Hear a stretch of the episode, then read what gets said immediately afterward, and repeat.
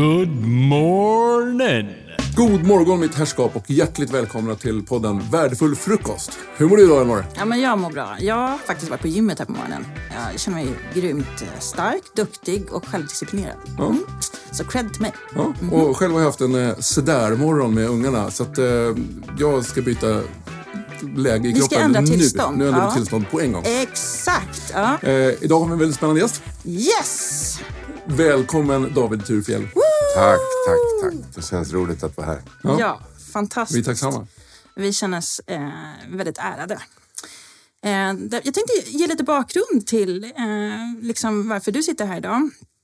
Eh, det var ju så att jag kontaktade dig och det var ju framförallt att eh, jag har ju följt dig och vet ju någonting om vad du gör och har själv ett starkt intresse för just religionshistoria. För de som inte vet det så skulle jag själv bli religionssociolog en gång i tiden.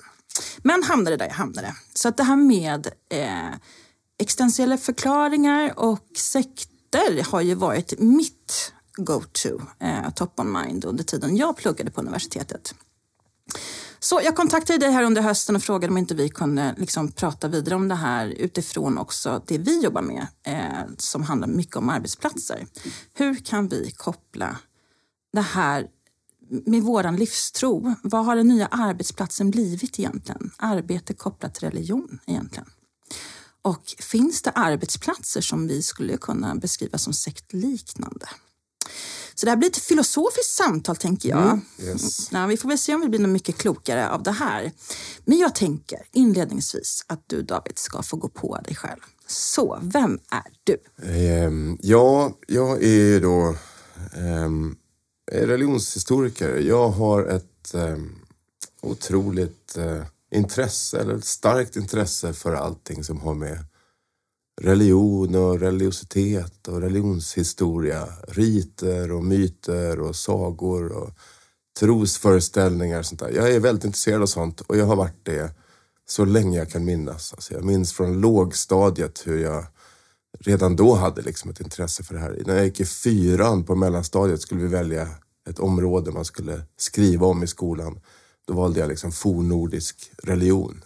Så att det här har varit mitt huvudintresse i, jag är 50 år nu, jag är 50 år. Jag är, jag är verkligen oförtrutet intresserad av detta fält.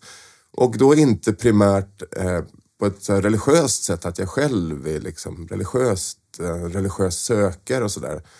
Utan mer att jag är fascinerad av eh, allting som har med religion och religionshistoria att göra. Jag är fascinerad av den aspekten av mänsklig kultur kan man säga. Just det. Och eh, då har jag hållit på med det här eh, då ganska målmedvetet och nu är jag professor då i religionsvetenskap sedan tio år tillbaka. Så. Eh, ja. Och du har ju då skrivit en massa böcker. Du är ju kontinuerligt i media, skriver ju också lite för DN bland annat. Eh, och du har ju då haft ett väldigt framgångsrikt sommarprat här nu i somras som har inspirerat. Ja. Ja, det var ju hedrande att få vara med på sommarprat. Eh, jo, men jag har ju studerat olika saker. Jag har, min, mitt första intresse var hinduism och indisk religion. Och sen skrev jag min doktorsavhandling om iransk religion, islam och iranska islamister och sådana här um, starka religiösa islamistiska gemenskaper i Iran. Sen har jag skrivit om olika aspekter av sekularisering och hur religionen försvinner och vad händer i, i sammanhang då där religionen inte är så viktig längre, till exempel i Sverige där många ser sig som sekulära. Och jag har skrivit om naturandlighet, jag har skrivit om eh, de förändringar i liksom det religiösa landskapet som vi ser nu i samhället. Just det. Men jag blir också lite nyfiken på, för du, eh, du jobbar ju som lärare nu, eller hur? Du, studerar, du lär ut liksom. Ehm, ja, just nu har jag inte så mycket undervisning, men jag har ju med, i vår ska jag ha en kurs. Vi har, precis, jag är lärare. Jag är på Södertörns högskola. Just det. För där blir jag lite nyfiken på, liksom, vad, vad märker du i din interaktion med eleverna? Liksom, vad är top of mind just nu? Liksom? Ehm, ja, alltså det, Sverige är ju väldigt, ehm, det är väldigt stor, liksom diversifierat land när det gäller det här med religion. Vi är ju på ett sätt världens mest sekulariserade land. Om man frågar folk vad religion betyder i deras liv så är det 85 procent som säger att det inte har någon betydelse alls i deras vardagsliv i Sverige. Och det finns inget annat land där så många säger det. Så att det är jätteoreligiöst kan man säga, världens minst religiösa land. Och samtidigt så är vi Europas mest mångreligiösa land. Så att vi har ju det här, en sekulär, eh, icke-religiös majoritetsbefolkning. Men sen har vi massa, massa olika religiösa minoriteter. Inte minst de gamla kyrkor som har varit här länge, alltså frikyrkor, och baptister och pingstvänner och metodister och ekumenier, alla de här. Men också olika typer av muslimer och hinduer och buddister och sikher och mandéer och yesidier. Och, så det finns ju otroligt stor skillnad mellan folk och religion i det här landet. Och sen om man tittar då på den här sekulära, eller vad man ska kalla den då, majoritetsbefolkningen så kan man ju säga att där händer någonting när det gäller synen på religion och andlighet lite i de senaste 10-15 åren kanske. Och det är att det eh, den här gamla jag tror att, eh, jag, jag är född 73. Om man växte upp på 70, 80, 90-talet i Sverige, i, i den svenska liksom, majoritetssamhället då, bland liksom, huvudfåran i det här landet. Ehm, då var religion liksom ganska uträknat. Det fanns en tydlig skillnad mellan det som finns och det som inte finns. Vi har vetenskap, sånt man vet och sen så har vi tro och, och flum och religion och sånt där. Och det är liksom, de där blandas aldrig och det är ganska självklart vad som finns och vad som inte finns. Och om någon började prata om eh, andliga saker och, och mystiska krafter och spöken och så, då var det antingen på skoj eller så var det helt oseriöst. Ehm, och de gamla religionerna, kristendom och de olika kyrkorna, och så här, de fanns ju men det var liksom lite vid sidan om på något vis. Det var liksom det offentliga samtalet. Och sen så nu har det förändrats lite så att det finns ett, en våg av intresse för ja, man, man kan kanske kalla det nyandliga eh, saker. Och vad vi kallar för esoterism inom religionshistoria. Alltså sånt här som tarotkort och pendlar och kristaller och andliga saker och intuition och astrologi och sånt där. Ehm, och det där är lite på skoj, men det är också lite på allvar. Så att det är som en sorts eh, intresse som har kommit, kommit in i, i liksom och blivit mainstream. Men frågar man folk, tror du verkligen på astrologi? Då kanske de säger så här, "Ja, jag vet inte, men det är, liksom, det är roligt, det är intressant att hålla på och tänka på. Så att det där är ju en stor skillnad då. att eh, den, den delen av livet har liksom blivit, av mänsklig kultur har blivit lite mer, kommit in i finrummen lite mer än vad det var för Just det. 20-25 år sedan. Det finns ju en jättebra dokumentär nu på SVT just om det här med, eh, med de nya liksom, tankarna kring andlighet. Och då har man ju framförallt lagt fokus på just det här med kristaller, stenar och tarotkort och den sidan. Det jag funderar på när jag tänker på det, det är så att man har ju ingen existentiell förklaring i det. Alltså det finns ju inte någon specifik gud man hänvisar sin, sin existens till. Liksom. Utan det är ju mycket att man ska sia i framtid. Om du har den här stenen Ja. i fickan så får du chakran som eh, bultar mer än andra och lite så. Ja, det som är typiskt för hela det där fältet då, det är att det är så ouppstyrt om man säger. Om man skulle ta kristendomen eller islam, då kan man säga att det här är boken och det här är de viktigaste lärorna och så här ska man göra, det här ska man inte göra. Men när det gäller det nyandliga då, eller det esoteriska fältet, så finns det inga sådana starka gränser. Däremot så finns det vissa idéer som återkommer i den, den typen av religiositet. Och en del är ju det här att allting hänger samman. Det som finns inne i mig finns också utanför. Världen är ett. Det finns ingen slump och, utan allting liksom rör sig. Och jag kan förstå eh, mig själv genom att titta ut på stjärnorna i, i universum för att allting hänger samman till exempel. kan vara en sån tanke. Och en väldigt viktig del är ju att det är individualistiskt. Det handlar om det egna, den egna personen. Så att om man är intresserad av sig själv då, då och sitt eget själsliv och sina egna relationer, ja men då är det där esoteriska ett språk då, som man kan ta till. Eh, och eh, jag tror att det här är liksom en nyckel till att förstå varför det är så intressant för många nu. För att vi lever i en extremt individualistisk tid. Alltså vi, och en individualistisk kultur. När man är intresserad av sig själv i väldigt hög utsträckning. Vem är jag? Vad vill jag? Vad tycker jag är viktigt? Eh, vilka relationer vill jag ha? Hur vill jag bygga mitt liv? Och, Alltså den Mm. Typen av mi, mi, frågor. mi, mi, mi. Liksom. Ja, det är väldigt eh, fokuserat på det, på, liksom, på den typen av inåtblickande. Och det här är en typ av religiositet som är, ja, passar en sån kultur. Medan om man tar traditionell islam och kristendom, som också förvisso har en uppsving nu på olika sätt. Då är det ett väldigt viktigt del i att försöka kväsa det här jaget. Liksom, Just det. att inte tänka på sig själv så mycket, utan tänka Att på hänge andra. sig. Att hänge sig, att överlämna sig själv till Gud, att tänka på andra istället för på sig själv. Men, men det jag tänker här är ju att eh, det är en stor skillnad att känna sig utvald. Att åh, jag har fått gåvan, jag kan se in i framtiden. Kom till mig, jag lägger ett tarotkort. Eh, det är liksom, då har man ju själv blivit utvald. Man har blivit med någon magisk kraft. Ja, jo så kan det vara. Det kan också vara att man... Alltså en del av det här med... Man kan förstå religion och religiositet lite om man tänker på det som en lek. Alltså, och det behöver inte vara en lek som är i bemärkelsen att den är oviktig utan lekar kan ju vara väldigt eh, eh, allvarliga. Man, kan- man kan också tänka på all kultur som en lek. Tänk på ett, ett äktenskap till exempel eller en, en kärleksrelation. När man går in och man bygger och man berättar historier om sig själv och man har sina ritualer. Man äter middag, man utvecklar en jargong. Liksom. Man- skapar liksom en gemenskap då, kring ett, en kärleksrelation. Eh, och det är ju lite som en lek. Det är lite som att man, hittar, man bygger en värld. Man hittar på en liten värld kring den här eh, relationen. Så en, en kärleksrelation kan man också se som en lek, eller en familj eller ett företag för den delen. Eller vilken verksamhet som helst. Och religion fungerar också lite som en lek. Liksom som att man skapar en värld. Ungefär som barn som skapar en värld när de leker. Det här är, det här är en, en, en bil och det här är ett hus och vi bor här och nu kommer monster och vad de nu skapar. Så fungerar också mänsklig kultur, att vi liksom skapar världen runt omkring oss. Och då kan man ju skapa den värld som man vill leva i, om man säger.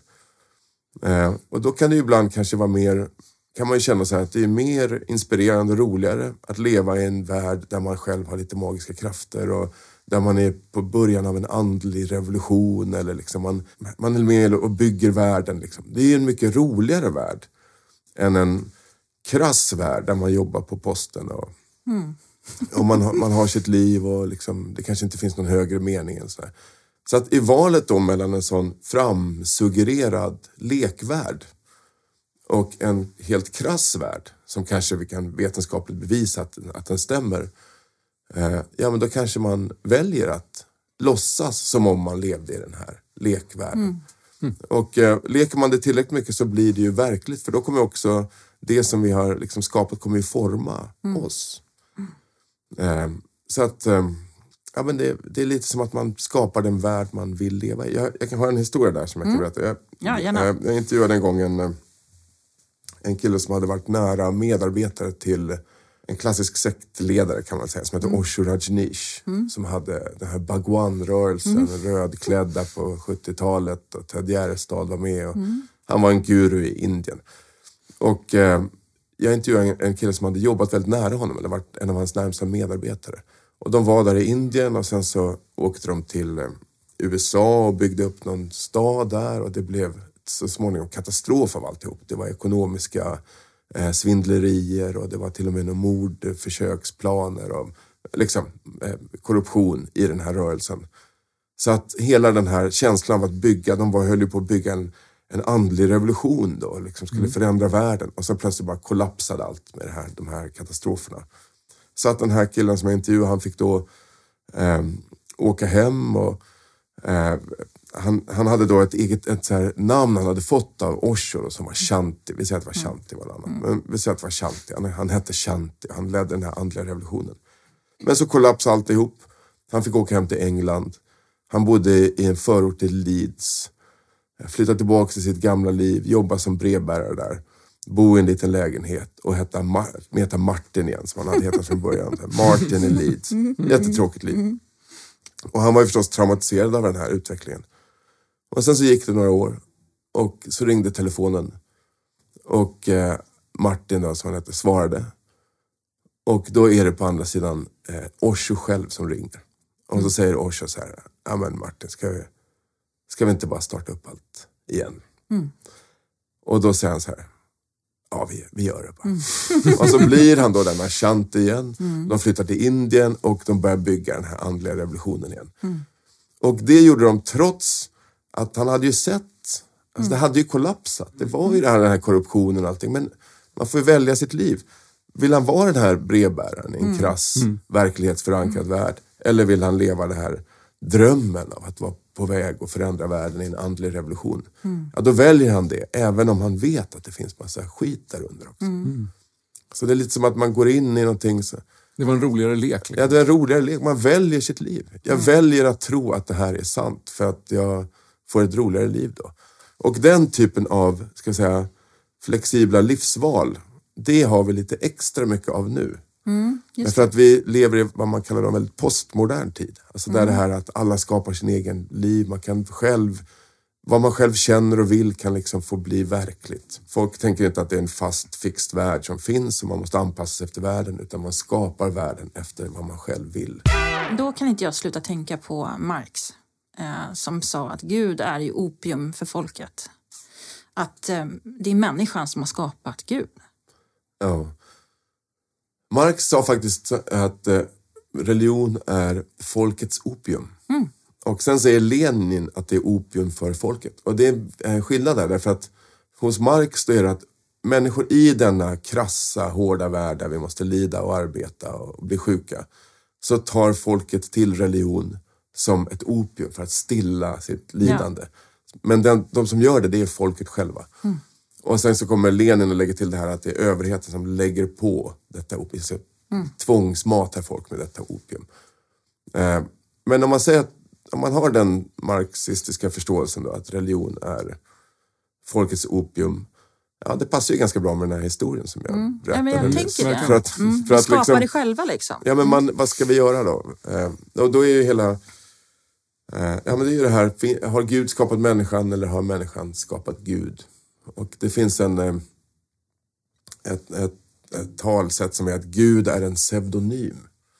Alltså pseudonym som när man skriver under en bok med ett falskt namn. Gud är en pseudonym, så allt så fort någon säger att Gud vill någonting, ja, då är det själva verket man själv som vill det, man har, man har sagt Gud. Gud tycker att det borde vara så, eller Gud säger att man inte får göra det här, eller att man måste göra det. Då är det liksom en pseudonym då, för att inte stå för det man själv tycker. Och jag tänkte lite grann, du har ju nu skrivit i DN här, jag tänker lite grann din senaste spaning kring vad människan behöver just nu. I de här tider av oro, liksom, ser du att det är så att vi söker oss eh, Eh, till nya förklaringar, till, till liksom, eller är det så att vi går tillbaka, att det är ännu viktigare att liksom gå tillbaka till kyrkan eller gå tillbaka till att hitta någon av de befintliga världsreligionerna? Eller vad? Ja, alltså det finns ju en eh, klassisk sån här, inom religionshistoria och religionsvetenskap finns det en klassisk teori som man kallar för deprivationsteorierna. Och det är ungefär så här, folk blir religiösa för att de saknar någonting. Det är lite det här folkets opium kan man säga. Eh, alltså att man saknar, man är, man är fattig och då fantiserar man om att man ska få pengar och rikedom i himlen. Eller man är orättvist behandlad och tänker man att man ska få rättvisa på andra sidan döden. Och den typen av teorier har haft väldigt stort genomslag i den här typen av forskning. Men de är lite ifrågasatta. Det är inte riktigt så enkelt. Och eh, man kan se att vissa av de tydligaste, liksom, starkt religiösa, till exempel eh, folk som går in i, i, i alltså som tar till politisk handling och politiskt våld för att driva igenom en religiös agenda. De är inte alltid de mest eh, liksom depraverade, de fattigaste. Så här, utan det är folk som är ganska rika och, och har det ganska bra som ändå kan bli starkt radikaliserade in i en religiös föreställning till exempel. Det där är inte riktigt så enkelt. Eh, och då kan man fråga sig, vad är det folk behöver nu då om det är oroliga tider? Och då kanske oron, är, det är klart det har ju förstås eh, en påverkan på att det, att det blir osäkert och sådär. Eh, men jag tror kanske att det finns andra samhällsfaktorer som är tydligare driver just religionsutvecklingen framåt. Och då skulle jag säga att en sak är den här jag ska säga, ensamheten som finns. Och eh, att vi har den här tilltagande eh, känslor av meningslöshet. Och det finns ju ganska färska studier som visar att folk i rika länder, och Sverige toppar faktiskt listan i Europa, eh, i ökad grad upplever sina liv som meningslösa. De är inte helt värdelösa, de har allt, de har pengar och så här. Men de ser inte riktigt någon mening med det. Och en del av det där kan ju vara kopplat till att man inte är tagen i anspråk. För att man, är, man har fått liksom det man behöver i livet. Man har eh, juridiska rättigheter, man har mat på bordet, man har ganska stor frihet att välja och sådär.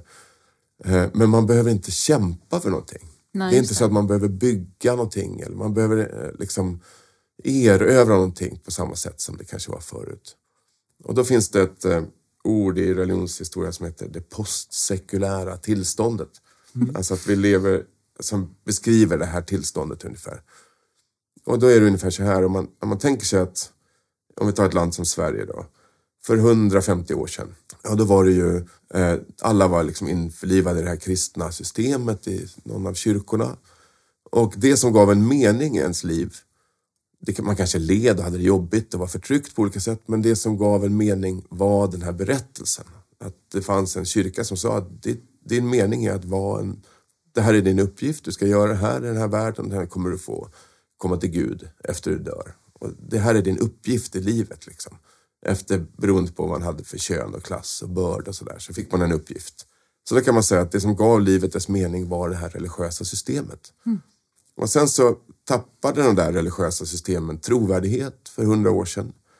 Och om vi tittar för 50 år sedan eller liksom mitten av 1900-talet och om man skulle fråga folk då vad som gav dem deras liv mening, ja då skulle de säga att det var massa olika sekulära eh, ideologier. Till exempel socialismen eller välfärdssamhället. Eller så här. Vi ska bygga ett bra samhälle eller vi ska kämpa mot Vietnamkriget eller vad det nu kunde vara. Det var den politiska kampen som gav folk mening. Den politiska kampen tog dem i anspråk på samma sätt som kyrkan hade tagit dem i anspråk tidigare. Och sen tittar vi nu då. Eh, Den här religiösa idén om att kyrkan tar den i anspråk, den verkar inte trovärdig för många. Men de sekulära ideologierna, inte heller så trovärdiga. Inte så många 18-åringar och 20-åringar som vill kämpa för socialismen eller för välfärdsstaten eller för nationalismen eller vad det nu kan vara. Ja. Så att eh, då hamnar man i det här att det är inget som tar en i anspråk utan ja men gör vad du vill, gör, gör det du tycker är kul, var din egen lyckas med, hitta, hitta på någonting. Hitta din egen tro. Liksom. Ja, hitta din egen tro. Och eh, då kan man, får man ju leta då. Så söker man runt och försöker man hitta sin tro. Någonting som kan ta en i anspråk. Som kan ge en liksom mening att det här finns på riktigt, det här är sant, det här måste jag kämpa för. Men eftersom man hela tiden är själv i sitt letande så blir det inte riktigt trovärdigt. Och då kanske den här känslan av att livet är meningslöst liksom, sipprar in. Ja, men det är så spännande. Det jag tänker nu det är ju att vi egentligen pratar om människans eh, egna förförståelse som får skapa sin, sin tro. Man får, man får själv liksom välja. Eh, men vi vet ju också någonting om att människan är ett flockdjur. Är det det som, som gör att man känner sig vilsen? Att man inte har samma... Man hittar inte gemenskapen i den gemensamma tron med någon annan för att man hittar på den själv. Jag tror på det här att bli tagen i anspråk. Att det är liksom, det är inte bekvämt men det är någonting som ger upplevelsen av mening. Att, att vara behövd av sin flock. Och eh, om man har barn, du nämnde att du har haft eh, struligt med barnen här i morse. Alltså, att när man blir förälder till exempel. Det är svårt att... Eh, det är få småbarnsföräldrar som tycker att sina liv är meningslösa för att de är behövda av de här små eh, barnen, hur jobbiga de än kan vara. Man är liksom tagen i anspråk av den här eh, liksom, familjesituationen. Och eh, på samma sätt som man kan bli tagen i anspråk av barn, de behöver en, så kan man ju bli det av, av grupper eller samhällen eller liksom, vad det nu kan vara. Så att det är en väldigt eh, stor del av, av religion som fenomen också, att, att det syftar till att bygga ihop grupper. Och vi har ju massa grupper som byggs upp hela tiden, även i denna individualistiska tid. Men de ser lite annorlunda ut. Det är, man kanske har gemenskaper kring ett intresse där man träffas på nätet eller man har ja, det är lite andra typer av grupper. De är inte så starkt eh, fysiskt sammanlänkade som de var förut kanske. Just det, och det kanske inte alltid finns heller att man har en gemensam existentiell förklaring i den här gruppen. Det kan ju vara andra gemensamma flöden Ja, precis. ja, i fokus. Så. Och det är väl det som är människans ständiga förundran, tänker jag, kring det här med att den existentiella förklaringen. Hitta en... Ja, om man tänker existentiell förklaring, då menar du liksom var, varför finns vi? Varför finns Ja, vi och vad, är det Gud som har skapat oss eller var, var kommer vi ifrån? Ja, ja, då kan man ju säga att religion har ju liksom, om traditionellt om man tar hundra, innan den moderna tiden, så hade ju religion flera funktioner, till exempel kristendomen. Och en var ju det här att hålla samman gruppen, en var att kanske ge någon sorts moralisk vägledning, en var att få folk att känna att de var tagna i anspråk. Och ytterligare en var att förklara varför världen finns. Och då kan man säga att de här olika komponenterna som var kristendom i, i Sverige till exempel. De har liksom tagits över av olika domäner. Så att just den domänen, varför finns naturen ungefär? Den frågan har vi, skulle kanske de flesta säga att det är, det är naturvetenskaperna som kan förklara det där. Så då får man vända sig till, till naturvetenskapen för att få svar på den frågan.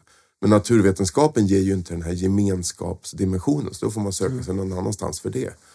Och vill man ha moralisk vägledning får man söka sig till en tredje plats. Så att det som var religion har liksom spritts ut på olika Domäner. domäner kan man säga. Just det. Jag vill jättegärna komma in lite grann på det här med grupptillhörighet och vad som händer när människor eh, i grupp har en gemensam tro och hur man kan normaliseras in i det på olika sätt eller socialiseras in i det. Ja. Och då kommer vi in på det här med eh, sekter. Och där tänkte jag fråga dig, finns det någon definition av vad sekt egentligen är? För här tror jag det råder lite förvirring.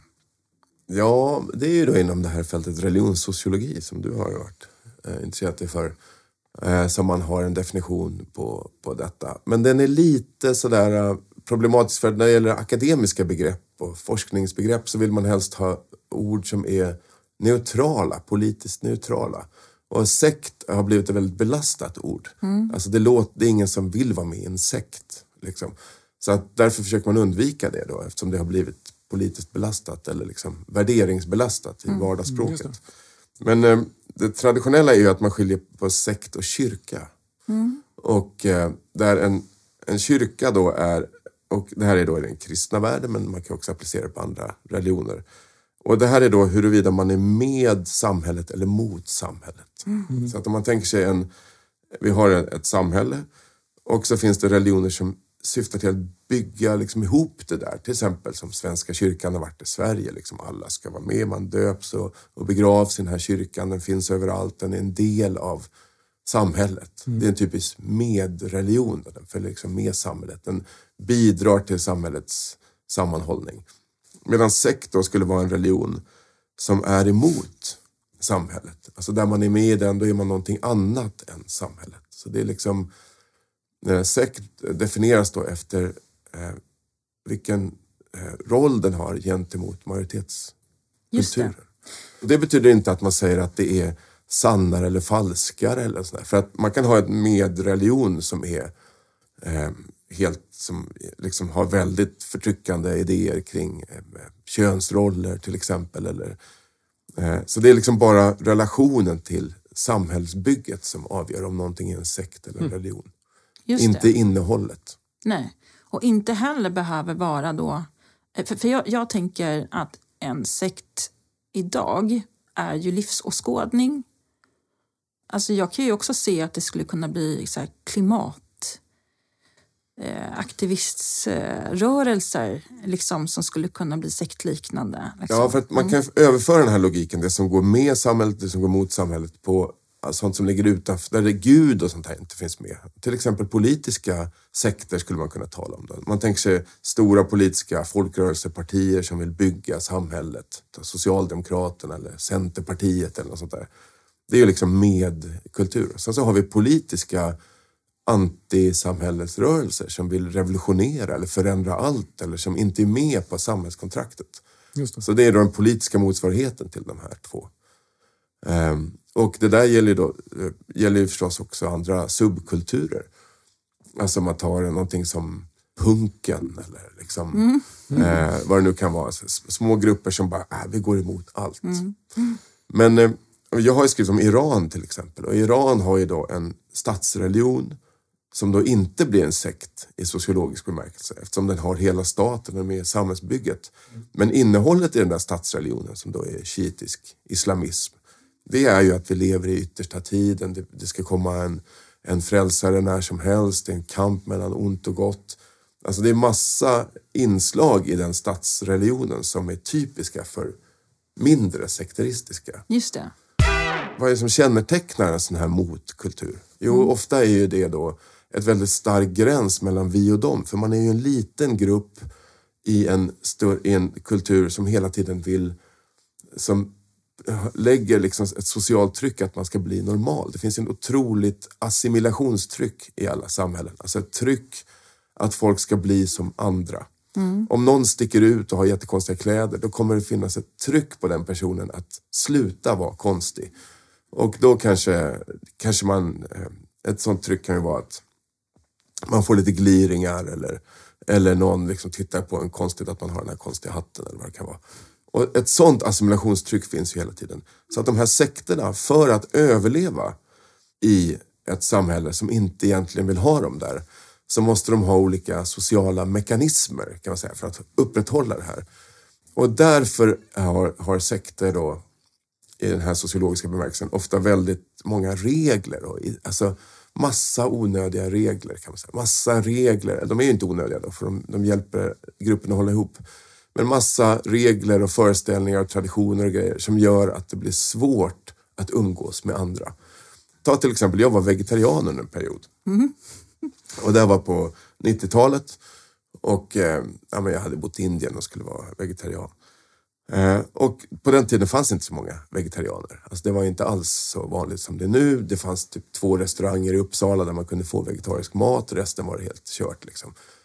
Och genom att vara vegetarian så då hade jag en liten matregel här. Jag vill inte äta kött. Det gjorde att det blev svårt för mig att interagera med vanligt folk. Om jag gick på en släktmiddag, ah, ursäkta, ah, kan ni fixa lite special? Det var liksom en jobbig grej. Just det. Och det där gör att det enklaste om man är vegetarian på 90-talet, det var att umgås med andra vegetarianer. Så att den här regeln, oavsett om vad man tycker om köttindustrin eller någonting, så bara att det finns en regel gör att det blir lättare för mig att umgås med dem som tillhör min egen grupp. Om jag har en grej att varje gång jag hälsar så måste jag eh, knacka tre gånger i pannan och svänga runt och, och sitta på golvet en stund. Ah, Det blir jobbigt att göra i sociala interaktioner men om jag tillhör en grupp där alla gör det här, då blir det självklara. Så att typiskt för sådana här eh, isolerade grupper är att de har massa, massa föreställningar som håller ihop dem. Och då går det liksom inte att bryta. Och eh, det där skapar då en sån här eh, situation där man måste antingen välja så småningom. Och det här, för barn är det ju självklart, de växer upp. Men sen när man är då eh, i tonåren och sådär och ska börja träffa en pojk eller flickvän och liksom bli lite normal. Då kommer man till en situation där man måste välja. Antingen så låter du sugas upp i majoriteten eller så håller du dig till oss. I, i gruppen. Ja, i gruppen. Så man kan säga att det, det är sådana här gränsbevarande mekanismer. Och då handlar det inte så mycket om vad man tror på. Det är inte så här, men vi har en stark övertygelse om att vi måste sitta på golvet och knacka i pannan när vi hälsar. Utan det kan vara egentligen vad som helst. Men det kommer skapa den här, hålla ihop gruppen. Men det finns väl också en aspekt i att det, det finns eh, något sorts form av hot. Alltså så här, jag tänker att eh, jorden går under eller vi måste rädda jorden för klimatet. Eller någonting som har med, det är lite bråttom. Ja, men då, kan, då är det en annan sak då, som stärker den här. Man tänker, vad är som, hur ska man få en sån här grupp att hålla mot, mot eh, assimilationstrycket, mot trycket att bli som alla andra? Jo, de här reglerna kan vara en sak. En annan sak kan vara en stark berättelse. Att man berättar fram att det här är, vi måste göra så här därför att annars så, vi är utvalda och, och eh, jorden kommer gå under. Eller, eh, så den berättelsenivån liksom stärker ju också känslan av exceptionalitet. Och det som, men det som händer sen, då, då händer, det är liksom en psykologiskt fenomen. Därför att när man växer upp i det där, då kommer det liksom befästa sig, inte bara hur man tänker och tror om världen, utan det kommer liksom fästa sig djupt i ens känsloliv. Eh, Jag hörde om folk som var avhoppare från Nordkorea. Det här var en intressant grej. Nordkorea är ju som en stat som är som en sekt, liksom, eh, kan man säga. Om man tänker, det är en stat och så där är är medkultur, men eh, globalt sett så är den ju en mot, motkultur. då. Oerhört mycket regler. Ja, det är väldigt mycket regler, massa gränser som bevarar då denna, eh, det, detta Nordkorea så att det inte ger vika för trycket från omvärlden. Och då hörde jag om någon som hade flytt från Nordkorea. Han, har, han växte upp där, han blivit förtryckt. Hans föräldrar hade blivit dödade, han lyckades fly med någon liten båt, hamna i Japan, lever hela sitt liv och är fri och han hatar Nordkorea, han motarbetar, han bildar organisationer, liksom propagerar mot den här staten. Men sen så dör eh, eh, Kim Jong-Il, den första diktatorn där. När han får reda på att han dör, då börjar han, den här mannen då, som har kämpat mot Kim Jong-Il i hela sitt liv. Han börjar gråta. Han bara gråter och gråter och gråter och gråter och gråter. Och gråter. Han kan inte sluta gråta. Därför att den här kärleken till denne diktator, den är liksom befäst i hans själ från barndomen. Han är liksom, han har det där. Det, det, man tänker att man har en förälder som har slagit en hela ens liv, men det är ändå ens mamma. Liksom, Det är det man vet, det är sanningen. Ja, så att eh, det här, den där typen av gräns, den bevaras inte bara av medvetna tankar utan av omedvetna. Mm. Säg att man växte upp i en religion där man inte äter fläskkött till exempel. Och jag känner många muslimer och folk som är uppväxta inom islam, de äter inte fläskkött. De har lämnat islam, men de kan inte äta fläskkött. Därför att de tycker att det är äckligt. Så att här, den här gränsen, då, fläskköttsgränsen, den sitter inte i en sorts föreställning eller moraliska idéer eller jag tycker det är fel eller tankar och berättelser. Utan den sitter liksom i kroppen. De får äckelkänslor av att äta fläskkött. Men snacka om att hjärnan har blivit pro- programmerad, tänker jag. Alltså så här, men, men man vet ju ingenting annat. Man är ju infödd i det här. Liksom. Ja. Och så formas ju också denna majoritetskultur. Jag skulle inte äta orm till exempel. Nej. Eh, trots att det inte är, liksom, det är ju majoritetspositionen här. Eh, men så om hela världen runt omkring åt orm, då skulle jag fortfarande tycka att det skulle vara äckligt. Och då skulle det vara en sektposition då, om det bara var lilla Sverige som inte åt orm. Nej, men jag tänker på det här med insekter nu som är det nya. Ja, det. Där får vi hänga med. Liksom. Spännande. Jag tänker så här, vi har ett inslag i, ehm, i vår podd eh, som heter Lina och Tyra på stan. De, är, eh, de jobbar här på ES, eh, är också studenter på Stockholms universitet. Och eh, det som är så intressant är att de ger lite spaningar. Eh, och då har de fått tagit sig an det här avsnittet då. Eh, och jag tänkte spela upp det för dig och så får vi se vad du tar för take på det här.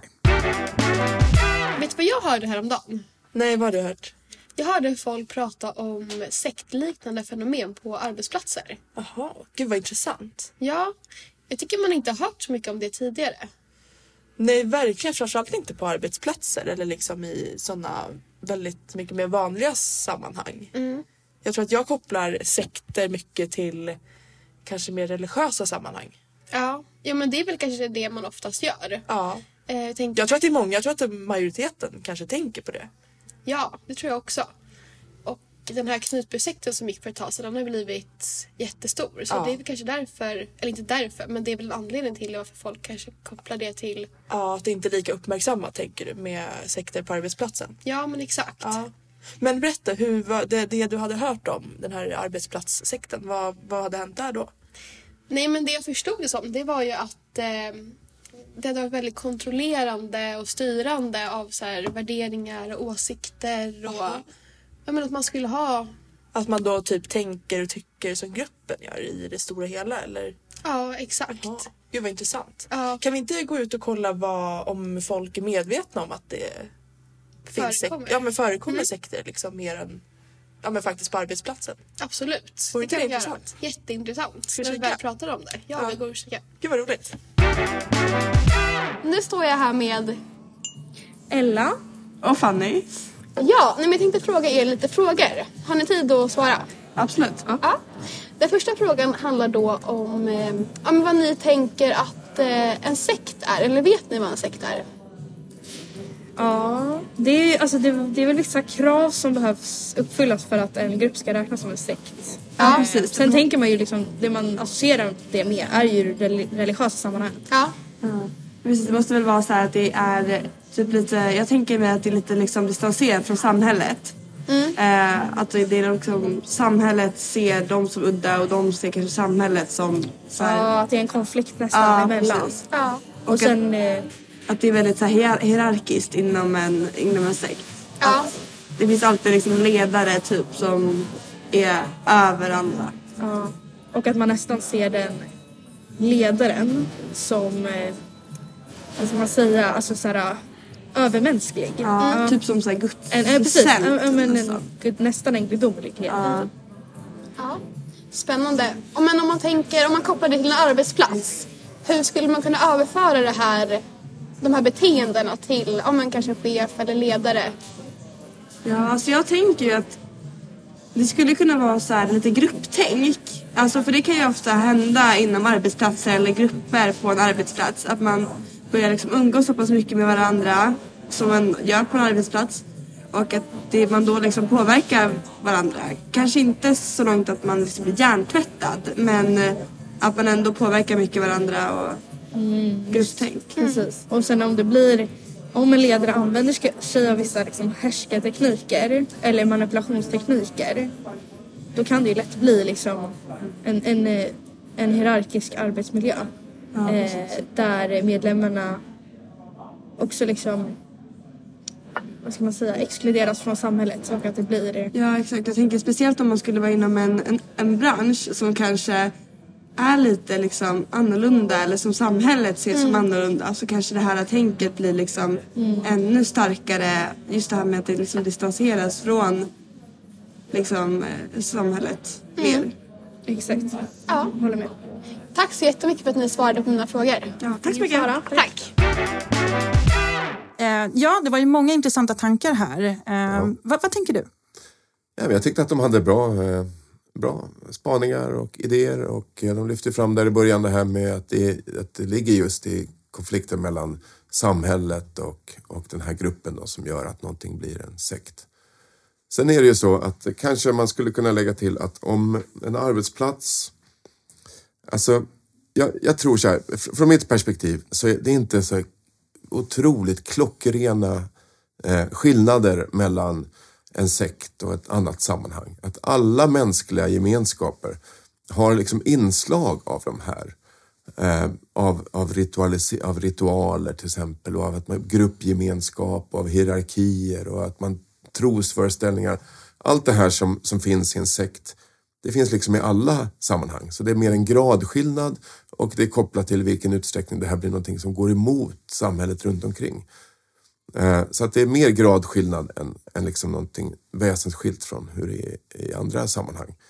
Men eh, jag tror att om man tänker sig att en arbetsplats blir mer än ett arbetsplats. Man tänker sig att man, man har, hit ska man komma, det här bygger på en idé. Man ska tro på den här produkten eller vad det är. Eh, och att och det ska vara stark lojalitet. Du ska inte bara jobba här och göra din uppgift. Utan du måste också i din själ tro på det här. Och det här ska inte bara vara dina arbetskamrater utan det ska också vara dina livskamrater. Liksom. Om man tänker sig att en arbetsplats blir mer än en konventionell arbetsplats. Ja, men då, drar, då är det ju förstås en förstärkning av, eh, av, av de ska säga, religionsliknande komponenterna i den gemenskapen. Och om den dessutom är mot samhället, ja men då blir det ju lite eh, sektartat. Eh, Men det finns ju tydliga kopplingar mellan religion, det finns ju liksom en sorts religionshistorisk förklaring på det moderna eh, arbetslivets uppkomst och liksom kapitalismens uppkomst. Det här är en av de kändaste eh, teorierna vi har i mitt ämne, nämligen att va, frågan är varför uppstår det moderna kapitalistiska samhället? Alltså ett samhälle där man har fria företag eh, som eh, som, som tillsammans liksom, eh, tä, som tävlar på ett sätt som gör att tillväxten ökar. Och att det är det som är liksom kapitalismens djur. Liksom. Vad är det som, hur kommer det sig att det uppstår i historien? Och då är en religionshistorisk förklaring att det här uppstår i vissa miljöer, nämligen protestantiska reformerta miljöer, alltså kalvinistiska miljöer i Europa och i Amerika. Eh, och vad är det som är typiskt med de miljöerna? Jo, det är ju att man har starka gemenskaper. Alltså starka gemenskaper. Man har såna här typ, eh, ja men typ såna här eh, föreningar som Rotary och den där typen av, av eh, herrföreningar där man träffas och pratar. Och för att få vara med i de där föreningarna så ska man uppfylla vissa ideal. Och eh, idealen är då att man ska vara framgångsrik rent ekonomiskt, man ska tjäna mycket pengar. Det är liksom ena sidan av idealet. Men det andra är att man ska inte slösa upp de där pengarna. Utan man ska samtidigt vara ekonomiskt framgångsrik och självspäkande på något vis. Och det här skapar då en sorts eh, eh ideal, en sorts idealmänniska. Eh, som är en person, man kan tänka Ingvar Kamprad liksom, som typiska exempel. Han tjänar jättemycket pengar, har en jättesmart idé, bygger företag extremt effektivt. Men alla pengar han tjänar går tillbaks in i företaget. Så istället för att bara, men nu har jag tjänat pengar, nu ska jag liksom eh, äta god mat och ligga på playan resten av livet. Så jobbar man ännu hårdare. Och vi har, om man tittar då liksom så här i näringslivet så är det ju en extremt hårt arbetande kultur. Man går upp, man tränar, man bara jobbar, jobbar, jobbar, jobbar. jobbar. Ni har säkert så här på ert eh, företag. Och eh, när ni tjänar mer pengar, ja, då jobbar ni ännu hårdare. Då investerar ni, ja, ni kan expandera, expandera. Så är det en sorts kultur av att expandera som är självspäkande och samtidigt ekonomiskt framgångsrik. Till skillnad från det som var innan då i Europa där man, när man väl tjänade pengar så kunde man slappna av. Liksom. Och det där är bygger på en sorts moralisk idé om hur man ska vara en god människa som kommer då enligt den här teorin från just protestantisk kristendom. Jag har med mig en liten eh, spaning in här. eh, Därför att jag... Vi pratade lite grann om vad som är top on mind. Och eh, jag eh, har följt en sociolog, en kvinnlig sociolog som har gjort studier och intervjuer framför allt under fem års tid i Silicon Valley, i techindustrin. Ehm, och ehm, det som, den heter Work, Pray, Code, hennes eh, bok. Ehm, och det som hon drar som slutsats det är ju att arbetsplatserna har blivit istället för eh, ja, synagogor, kyrkor etc. Därför att techbolagen har uppfyllt alla krav människan behöver för att bli tillgodosedd. Eh, Man har mindfulness på arbetsplatsen. Man har starka värdegrunden i hur du ska bete dig. Annars passar du inte in. Eh, Du har det sociala. eh, Och det är också så att det finns ett starkt budskap till att du skapar värde. Du gör skillnad med ditt jobb. Du, du, det finns ett budskap kring att du faktiskt bidrar med någonting i den här världen. Eh, Vad tänker du om det? Ja, men det tycker jag är i linje med det här som jag sa. Att en, ett arbetsplats blir mer än en arbetsplats. Den är också eh, kopplad till moral och så att tro, man tror på sin produkt. Och att den blir också gemenskapen kring den här produkten. Och att om den också blir den främsta platsen för social bekräftelse och man kanske har sina vänner där. Och jag kommer ihåg när Google kom att de hade så här, man hade rutschbana och, och liksom pingisbord och man kan bara ta det lugnt, ni kan vara här, ni kan äta här. Liksom. Det är ju ett försök att expandera vad arbetsplatsen är då för de som jobbar där.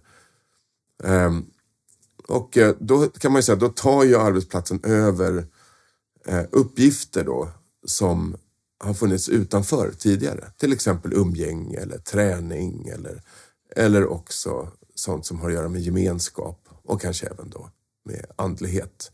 Och då ska man komma ihåg att en, en det är olika i olika länder, men i USA så är ju de här eh, samfunden, alltså kyrkor och liksom, eh, olika religiösa församlingar som finns, de har ju en sorts social funktion i samhället som kyrkor inte riktigt har haft här. Eftersom vi har haft så stark välfärdsstat. Så att där har ju kyrkorna också fyllt rollen av att vara en sorts mellanrum mellan den närmsta familjen och staten. Alltså som tar hand och fångar upp folk och som är en gemenskap. Och liksom, om någon hamnar på glid eller blir alkoholiserad eller vad det kan vara. Ja men då finns det en kyrka som fångar upp den där. De är liksom den sociala eh, so, ja, sociala Ja, nät. nätverket, Ja, en sorts väl, liten välfärdsstat. Skyddsnätet, ja. Mm. Precis, samma som staten har varit här. Och det är klart om den funktionen går över till företag i USA, då är det ju väldigt tydligt att det är en, liksom en kyrkofunktion som företagen tar över. Men om man tittar i Japan till exempel, som är en tredje sån här kapitalistisk eh, ekonomi, då har ju företagen haft den här rollen eh, på ett väldigt tydligt sätt länge. Att de verkligen är, man är liksom lojal mot sitt företag i, i generationer. Eh, man känner otrolig lojalitet mot företagets idé och företagets anda och företagets kultur. Eh, och eh, så har det varit sedan andra världskriget i, i Japan och säkert eh, längre än så också. Så att det beror lite på vilket land man jämför med och Sverige har ju historiskt sett annorlunda ut än USA. Mm. Just det. Men det- börjar bli mer och mer likt här i Sverige. Alltså, vi har ju alltid sett upp lite till USA och om man tittar på näringslivet här i Sverige så är det ju väldigt starka dynamiska krafter utifrån vad man kräver av medarbetarna livsstil. Liksom. Ja, ja, det är väldigt intressant. Eh, Därför, och det har väl att göra med också Alltså det är en stor fråga för Sverige politiskt är ju vad ska det här välfärdsstatsprojektet liksom fortsätta? Kommer det, kommer det hålla som vi haft på 1900-talet? Och då, om man jämför dem mellan USA, då kan man säga att Sverige har ju varit ett land på, på 1900-talet som var en kyrka, kan man säga, i sociologisk bemärkelse. Så att, eh, I USA så är det de enskilda samfunden som tar hand om, om sin grupp. Man har familjer men sen har man kyrkorna och kyrkorna fångar upp och är en sorts välfärdsnätverk kring personer. I Sverige har ju hela staten varit det där välfärdsnätverket runt personer. Så att om någon har hamnat på glid har staten fångat upp och staten har fixat äldreboende och, och, och eh, förskola och, och alla de här liksom skyddsnätverket runt människor. Men det har ju också varit ett religiöst homogent land, Sverige. Alltså alla har ju varit, var ju tvungna att vara medlemmar i denna statskyrka och vara en del av det här systemet. Det var obligatoriskt. Lägg märke till tvungna. Det är ju Ja. också så. Mm. Och nu är vi, är vi inte ett religiöst homogent land längre och inte heller ett ska säga, politiskt eller, eller kulturellt homogent land heller. Så att nu är vi Europas mest mångreligiösa land. Och då är frågan, i, ett sån, i en sån demografisk situation, ja, men då kanske amerikanska modellen faller sig lite mer naturligt.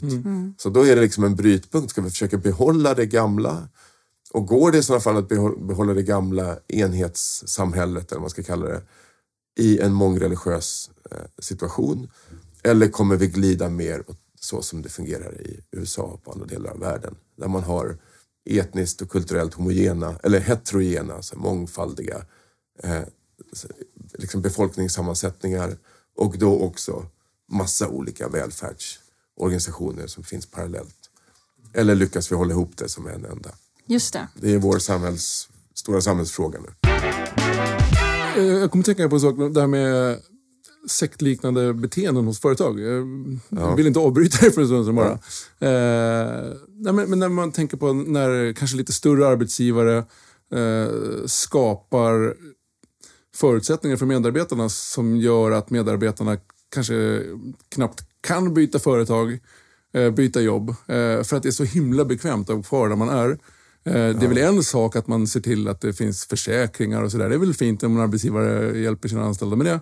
Men jag tänker när, när den lite större arbetsgivaren kanske ser till att det finns hunddagis vägg i vägg och att det finns dagis där alla anställda får ha sina barn och skolan är där borta. Och det är väldigt lätt att leva som anställd för att man har skolan och, och, och mataffären. liv, All, liksom. man, man bygger upp sitt liv väldigt nära sin arbetsplats och, och så kanske man tycker att det blir Åh, vad bekvämt jag har det. Åh, vilken bra arbetsgivare jag har det.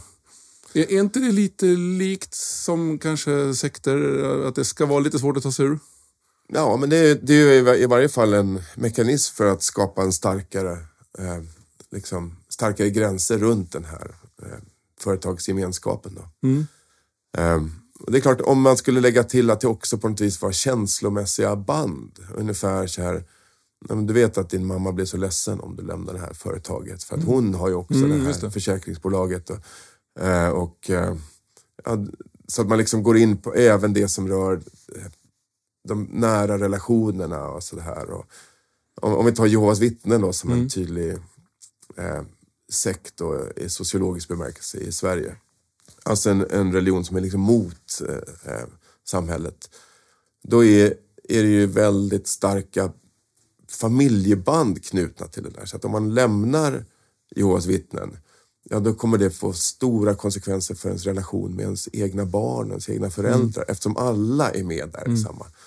Och ofta så fungerar ju familjen, i, i Sverige då fungerar ju ofta familjen som en, en sorts skyddsnät. Om man ramlar ur sitt kompisgäng till exempel, eller förlorar jobbet eller sådär, ja men då fångas man upp av sin familj. Då finns familjen där som en sorts alternativ struktur. Men i en rörelse som Jehovas vittnen, då är ju familjen och kyrkan samma sak. Samma, ja, så tappar man kyrkan kommer man också tappa sin familj. Och ehm,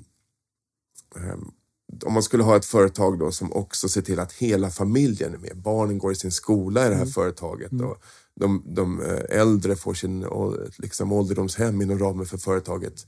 Ja, då kan man ju inte lämna företaget annat än att man också liksom, försämrar för sin familj. Och då skulle man ju komma ännu närmare det där. Just det. Ja, det är så intressant. Jag tänker att vi ska knyta ihop säcken. Eh, och eh, jag- har massor av tankar. För jag driver ju själv eh, liksom ES här tillsammans med Niklas. Och det handlar, man har ett stort ansvar när man bygger företag med värderingsgrunder, kultur, hur man är som ledare. Och det är ju som vi har kommit fram till här nu, vårat, liksom att det här det här finns ju överallt i samhället beroende på vilka glasögon man har på sig. Så det är så intressant. Men en avslutande, kanske svår fråga. Jag vet inte. Eh, men när, finns det några positiva saker med det här sektliknande dynamiken? Om man nu skulle liksom... Eh, ja, men det, det är ju klart att det finns det här är ju en grader liksom. Det är när det går för, för långt som det blir. Eh, men ta en kärleksrelation som jämförelse då. Det är ju någonting fantastiskt att bygga ihop sin egen värld, att liksom ge sig själv till någon annan, att eh, känna de här starka känslorna, att liksom knyta ihop två själar med varandra. Det är ju fantastiskt. Men det finns också en destruktiv potential i det där. Om det går fel så kan det bli extra svårt då. Om, någon skulle, om det skulle bli eh, massa hierarkier eller förtryck inom ramen för en sån gemenskap. Ja, men då blir det extra svårt att bryta upp. Och det är ju samma med alla andra mänskliga gemenskaper, inklusive de religiösa. Att det är ju någonting fantastiskt att människor kan enas, att de kan skapa en gemenskap, att de kan känna sig meningsfulla och sedda och, och att de kan få saker gjorda och det kan liksom bli snurr i livet och man får massa saker som händer. Det är ju fantastiskt. Men om det blir destruktivt, om det kryper in eh, destruktiva hierarkier och eh, förtryck, ja då är det extra svårt att bryta upp det där om det har gått så långt. Så det får man se upp lite med. Jag tänker, om du skulle få skicka med lyssnarna där ute någonting, någon tanke, reflektion som har med dagens avsnitt att göra. Vad skulle du vilja skicka med då? Den här frågan om vad om det svenska systemet och det amerikanska systemet, vem ska ta hand om välfärdsuppdraget? Vem ska ta hand om, vem, vem har ansvaret för att ta hand om människor, fånga upp människor, fånga upp människors familjemedlemmar och sånt där. Eh, eh, I ett land som Sverige. För där står vi i en brytpunkt och där har vi, eh, vi har haft ett väldigt starkt välfärdssamhälle med en, en stat som har gjort det här. Nu är det kanske en annan typ av samhälle på gång. Är det det som vi hamnar i, hamnar vi på den amerikanska liksom, modellen då eller är det någonting ytterligare? Vem har det ansvaret? För det här tror jag är vår, vårt samhälls stora politiska fråga framåt. Vem, vilka gemenskaper ska fånga upp folk som hamnar utanför? Och det jag tänker då, det är ju att gud vad vi behöver diskutera sådana här saker mer. Eller hur? Verkligen. Ja, runt bordet hemma. Liksom. Med vänner och familj. Ja, men ett stort tack för att du kom hit idag och tack, Tack för för alla fina tankar. Tack, tack, tack.